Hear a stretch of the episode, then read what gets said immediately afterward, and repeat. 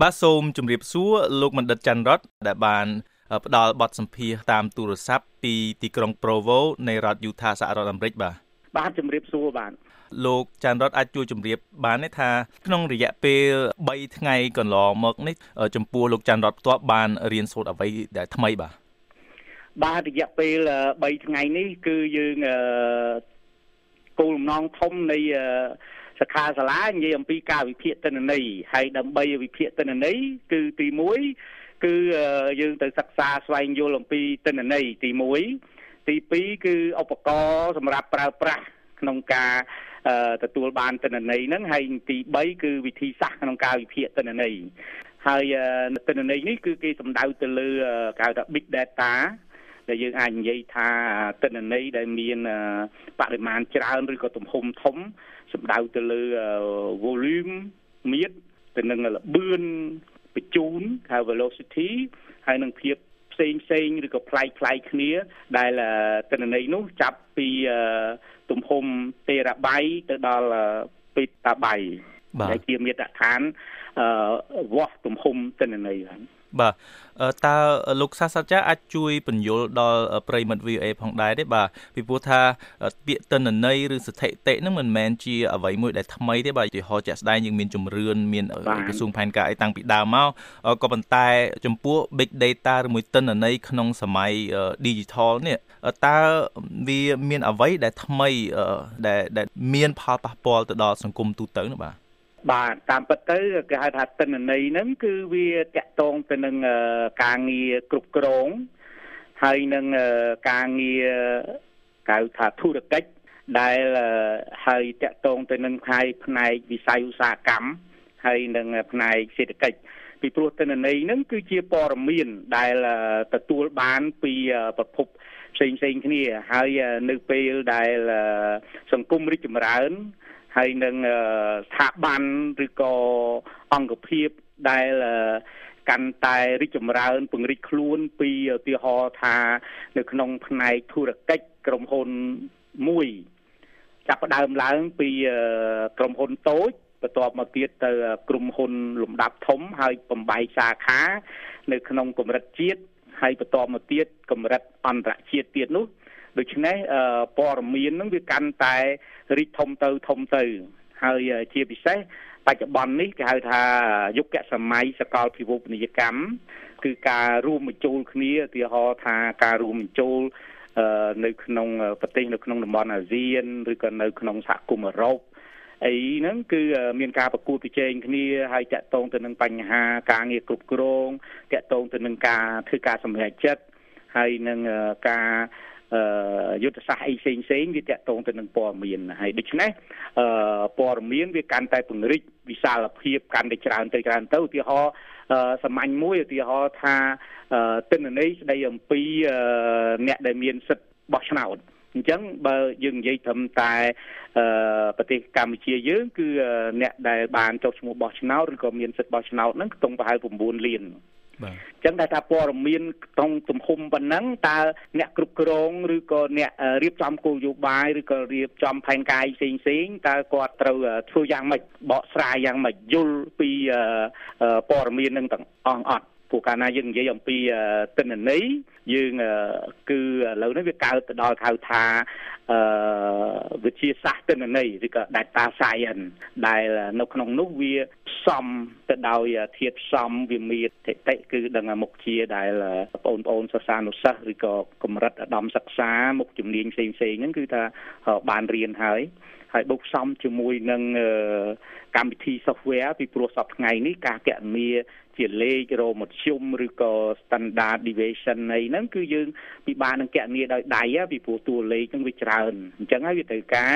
កម្មវិធី software ដែលប្រើនៅក្នុងកុំព្យូទ័រអញ្ចឹងអា software ហ្នឹងក៏វាមានភាពភាពប្លែកប្លែកគ្នាទៅតាមសមត្ថភាពនៃការពង្រីកវាដែរប៉ុន្តែនៅនៅក្នុងសិក្ខាសាលានេះ អ្វីដែលគេប្រើគឺកម្មវិធី software Python ដែលខ្ញុំជាលើកទី1ដែរដែលទៅបានស្គាល់កម្មវិធីហ្នឹងបាទអញ្ចឹងបើតាមខ្ញុំអាចក្តាប់បានពីប្រសាសន៍របស់លោកសាស្ត្រាចារ្យហ្នឹងគឺថាដូចជាឧទាហរណ៍ដែលលោកសាស្ត្រាចារ្យបានលើកអំពីការបោះឆ្នោតហ្នឹងឬថាការបោះឆ្នោតយើងមានច្រើនដកលើកមកហើយបើតែលើកនេះយើងអាចប្រមូលទិន្នន័យឬមួយប្រើប្រាស់ទិន្នន័យហ្នឹងកាន់តែលម្អិតច្រើនជាងមុនហើយមានប្រសិទ្ធភាពជាងមុនមែនទេបាទបាទអឺ នៅក្នុងសិក្ខាសាលានេះគឺគេចង់បញ្ជាក់អំពីការប្រើប្រាស់ទិន្នន័យឬក៏ការវិភាគទិន្នន័យដើម្បីឲ្យមានសុក្រិតភាពតាមលក្ខណៈវិទ្យាសាស្ត្រហើយគេហៅថា big data ហ្នឹងគឺទិន្នន័យដែលមានបរិមាណច្រើនទំហំធំហ្នឹងគឺឧទាហរណ៍សាមញ្ញងាយយល់ណាឧទាហរណ៍ថា Facebook ឥឡូវហ្នឹងគឺការប្រើ Facebook តើថាតើព័ត៌មាននៅក្នុង Facebook ហ្នឹងក្នុងមួយនាទីវាកើនឡើងប្រមាណ នៅពេលបច្ចុប្បន្ននេះណាគឺមនុស្សប្រើប្រាស់ទូទាំងពិភពលោក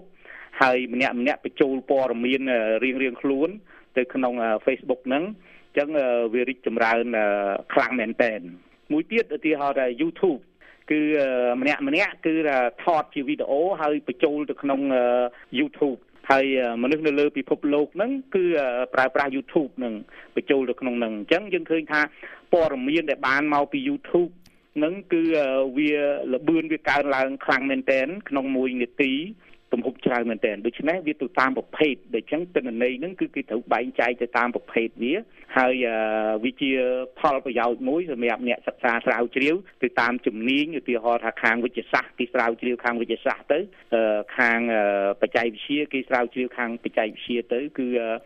ព័ត៌មានគឺថាសម្បូរបែប គឺថាមហាសាគរនៃទិន្នន័យដែលយើងត្រូវចេះជ្រើសរើសហើយតើ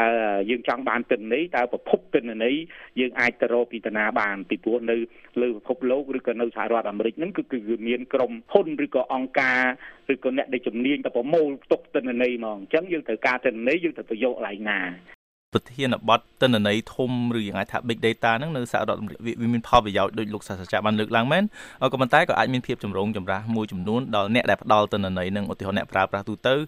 ឧទាហរណ៍ដូចជា Facebook ជាដើមនឹងដូចថានៅសហរដ្ឋនេះគឺបារម្ភថាបើខ្ញុំចូល like អ្វីមួយហ្នឹងគឺ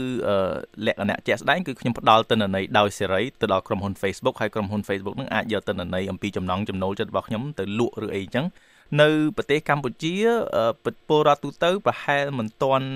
យល់អំពីចំណុចនេះដែរទេបាទឬមួយមិនទាន់មានភាពចម្រុងច្រាស់រវាងសិទ្ធសិទ្ធិរក្សាទិន្នន័យផ្ទាល់ខ្លួនហើយនិងទិន្នន័យដែលផ្ដល់ឲ្យដល់ក្រុមហ៊ុនឬមួយដល់រដ្ឋតើអត់ទាន់មានបញ្ហាដូចនេះទេបាទ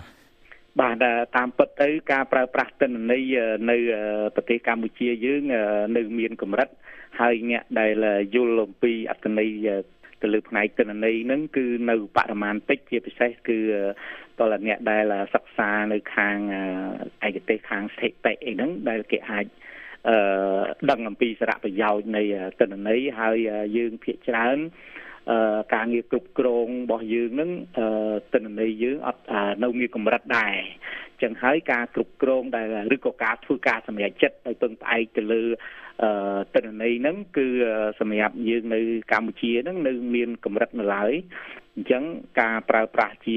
សាធារណៈឬក៏ស្អីហ្នឹងក៏វានៅមានកម្រិតទៀតនៅឡើយទិន្នន័យវាមានវាមានពីរប្រភេទមួយទិន្នន័យអាចចែកជូនជាសាធារណៈមួយទៀតទិន្នន័យដែលមានលក្ខណៈជា ការលាក់ការឬក៏មានជាកម្មសិទ្ធិអីអាហ្នឹងគឺគេបែងចែកទៅទៀតបាន បាទលោកលោកបណ្ឌិតច័ន្ទរតក៏ជាប្រធាននាយកដ្ឋានស្រាវជ្រាវខាងវិទ្យាសាស្ត្រនៃក្រសួងអប់រំយុវជននិងកីឡានិងជាប្រធានសហគមន៍អ្នកគណិតវិទ្យាកម្ពុជាផងដែរបាទអញ្ចឹងតើលោកមានកម្រងថាប្រើចំណេះដឹងនេះពេលទៅប្រទេសកម្ពុជាវិញហ្នឹងក្នុងប្រព័ន្ធអប់រំហ្នឹងគឺប្រើជាលក្ខណៈវិភាគគ្រប់គ្រងទិន្នន័យប្រព័ន្ធអប់រំបានល្អជាងមុនឬមួយក្នុងការបង្រៀនអំពីមុខវិជ្ជាស្ថិតិឬយ៉ាងណាបាទបានដោយយោងទៅលើចំណេះដឹងដែលទទួលបានពីសិក្ខាសាលានេះគឺ ឡប់ទៅវិញគឺខ្ញុំនឹងធ្វើសិក្ខាសាលាចែកចម្លែកនៅបទពិសោធន៍និងចំណេះដឹងដែលខ្ញុំមានទៅដល់ផ្នែកពាក់ព័ន្ធហើយនឹងជាពិសេសទៅដល់និស្សិតកម្រិតឧត្តមសិក្សា ជាពិសេសកម្រិត Master ខាងផ្នែកគ្រប់គ្រងឬក៏ខាងផ្នែកហិរញ្ញវត្ថុអឺ តកតងទៅនឹងការស្រាវជ្រាវតកតងទៅនឹងផ្នែកស្ថិតិដើម្បីឲ្យពង្រីកគេហៅថាការយល់ដឹងថាតើពិភពលោកសប្តាហ៍ថ្ងៃហ្នឹងគឺគេដល់កម្រិតណាហើយហើយយើងមើលពីស្ថានភាពកម្ពុជាតើយើងស្ថិតនៅក្នុងកម្រិតណាហើយភាព នៅចន្លោះហ្នឹងតើយើងត្រូវធ្វើម៉េចដើម្បីបំពេញអាកម្លៀតហ្នឹងកុំឲ្យវាកម្លៀតឆ្ងាយពេកពីព្រោះសប្តាហ៍ថ្ងៃនេះគឺគេនិយាយអំពីទិន្នន័យប្រភពទៅដល់ទេរ៉ាបៃឬក៏ពេតាបៃហើយយើងនៅជីកាបៃនៅឡើយហើយលបឿននៃអ៊ីនធឺណិតរបស់យើងក៏នៅមានកម្រិតទៅឡើយដូច្នេះវាតកតងកតាច្រើនដែល ក្រសួងអប់រំយុវជនកីឡាហ្នឹងក៏ជំរុញដែរដើម្បីលើកទឹកចិត្តទៅលើផ្នែកការជំរុញការស្រាវជ្រាវនេះប៉ុន្តែជំរុញការស្រាវជ្រាវនេះវាតកតងកតាច្រើនទៅទៅទៅតាមការបដិញ្ញាចិត្តតកតងទៅនឹងកម្មវិធីទៅតាមសកលវិទ្យាល័យដែលត្រូវដាក់កម្រិតថាអឺសិស្ស រៀននៅឧត្តមសិក្សាទៅតែចាប់ផ្ដើមធ្វើការស្រាវជ្រាវហើយគ្រូឧទ្ទេសឬក៏សាស្ត្រាចារ្យដែលបរៀននៅកម្រិតដំសិក្សាទៅតែធ្វើការស្រាវជ្រាវនៅពេលនោះបានការស្រាវជ្រាវវាមានការរីកចម្រើនឡើងខាងខ្ញុំនឹងយកនៅបទពិសោធន៍ដែលទទួលបានពីនេះហើយយើងភ្ជាប់ជាបណ្ដាញ network ពីព្រោះកាលណាអ្នកដែលចូលរួមនេះគឺមកពីសាកលវិទ្យាល័យនានានៅក្នុងសហរដ្ឋអាមេរិក ដែលជាសាកលវិទ្យាល័យដែលធ្វើការស្រាវជ្រាវហើយដែលពាក់ព័ន្ធជាមួយនឹង big data នេះអឺយើងមានឱកាសច្រើនប៉ុន្តែសួរថាតើអឺយើងកំណត់បញ្ហារបស់យើងច្បាស់នៅដើម្បីឲ្យគេអាចជួយបានពីព្រោះអ្នកស្រាវជ្រាវវាទាល់តែប្រធានបទឬក៏ផ្នែកអីដែលវាផាក់ផែលគ្នា បានវាអាចធ្វើការចូលគ្នាបាន បើមិនចឹងទេគឺអាចនិយាយគ្នាស្ដាប់គ្នាអត់បាន បាទបានកម្មវិធីនៅក្នុងកម្រិតឧត្តមសិក្សាត្រូវតែបញ្ចូលវិធីសាស្ត្រស្រាវជ្រាវហើយត្រូវកំណត់ជំរុញនិងលើកទឹកចិត្តឲ្យមានការស្រាវជ្រាវឲ្យបានទូលំទូលាយហើយយើងកំពុងតែរៀបចំទៅលើគោលការណ៍លើកទឹកចិត្តនិងជំរុញដល់អ្នកស្រាវជ្រាវដែលមានស្នាដៃលេចធ្លោដើម្បីជាកត្តាជំរុញ ខ្ញុំមានសំណួរជាចុងក្រោយគឺនៅសហរដ្ឋអាមេរិកនេះអ្នកជំនាញខាងវិភាគទិន្នន័យឬ data analyst នឹងជាអាជីពមួយដែលកាន់តែសំខាន់ឡើងជាពិសេសក្រុមហ៊ុនធំធំគឺត្រូវការចាំបាច់លោកចាន់រតគិតថានៅប្រទេសកម្ពុជាដូចគ្នាដែរអត់ទេនៅក្នុងរយៈពេលខាងមុខ បានចំពោះផ្នែកនេះគឺយើងឃើញថាកម្ពុជាជាប្រទេសតូចមួយហើយរងគ្រោះដោយសង្គ្រាមប៉ុន្តែផ្នែកវិស័យព័ត៌មានវិទ្យាហើយនិងផ្នែកធុរកិច្ចមួយចំនួនហ្នឹងគឺការមានការរិចលឿនហើយការប្រើប្រាស់ទូរស័ព្ទឬក៏ស្អីហ្នឹងគឺ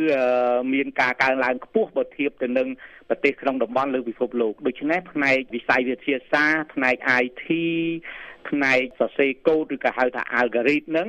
អឺសប្តាហ៍ថ្ងៃនេះកម្ពុជា បច្ចុប្បន្នកំពុងតែរីកចម្រើន ផលផុសហើយជាពិសេសសម្រាប់យុវជនចំនួនថ្មីនេះដែលគាត់ចូលចិត្តខាងវិស័យបច្ចេកវិទ្យាហើយខ្ញុំជឿថាបើសិនជាបរិយាកាសល្អខ្មែរយើងបើសិនមានសន្តិភាព ការអភិវឌ្ឍសេដ្ឋកិច្ចរីកចម្រើនបរិយាកាស ល្អហ្នឹងគឺខ្ញុំជឿថាយើងលឿនផ្នែកហ្នឹងហើយយុវជនចំនួនក្រោយហ្នឹងគឺមានភាពស្វាហាប់ក្នុងការសិក្សាស្រាវជ្រាវឈ្មោះឈ្មោះខាង IT ខាងសរសេរកូដខាងអីហ្នឹងហើយ ហើយអ្នកវិនិយោគទុនបរទេសហើយសាស្ត្រាចារ្យពីបរទេសហើយយើងមានទូលអាហារូបករណ៍មកសិក្សានៅបរទេសខ្ញុំជឿថា5ឆ្នាំទៅ10ឆ្នាំទៀតយើងមានធនធានមនុស្សគ្រប់គ្រាន់ហើយយើងអាចប្រកួតប្រជែងនៅក្នុងតំបន់និងនៅលើពិភពលោកបាទខ្ញុំសូមអរគុណលោកបណ្ឌិតច័ន្ទរតបាទដែលបានផ្ដល់បទសម្ភាសន៍ពីរដ្ឋយូថាសហរដ្ឋអាមេរិកនៅពេលនេះបាទនឹងសូមជម្រាបលាបាទអរគុណជម្រាបលាបាទជូនពរតំណាងល្អបាទ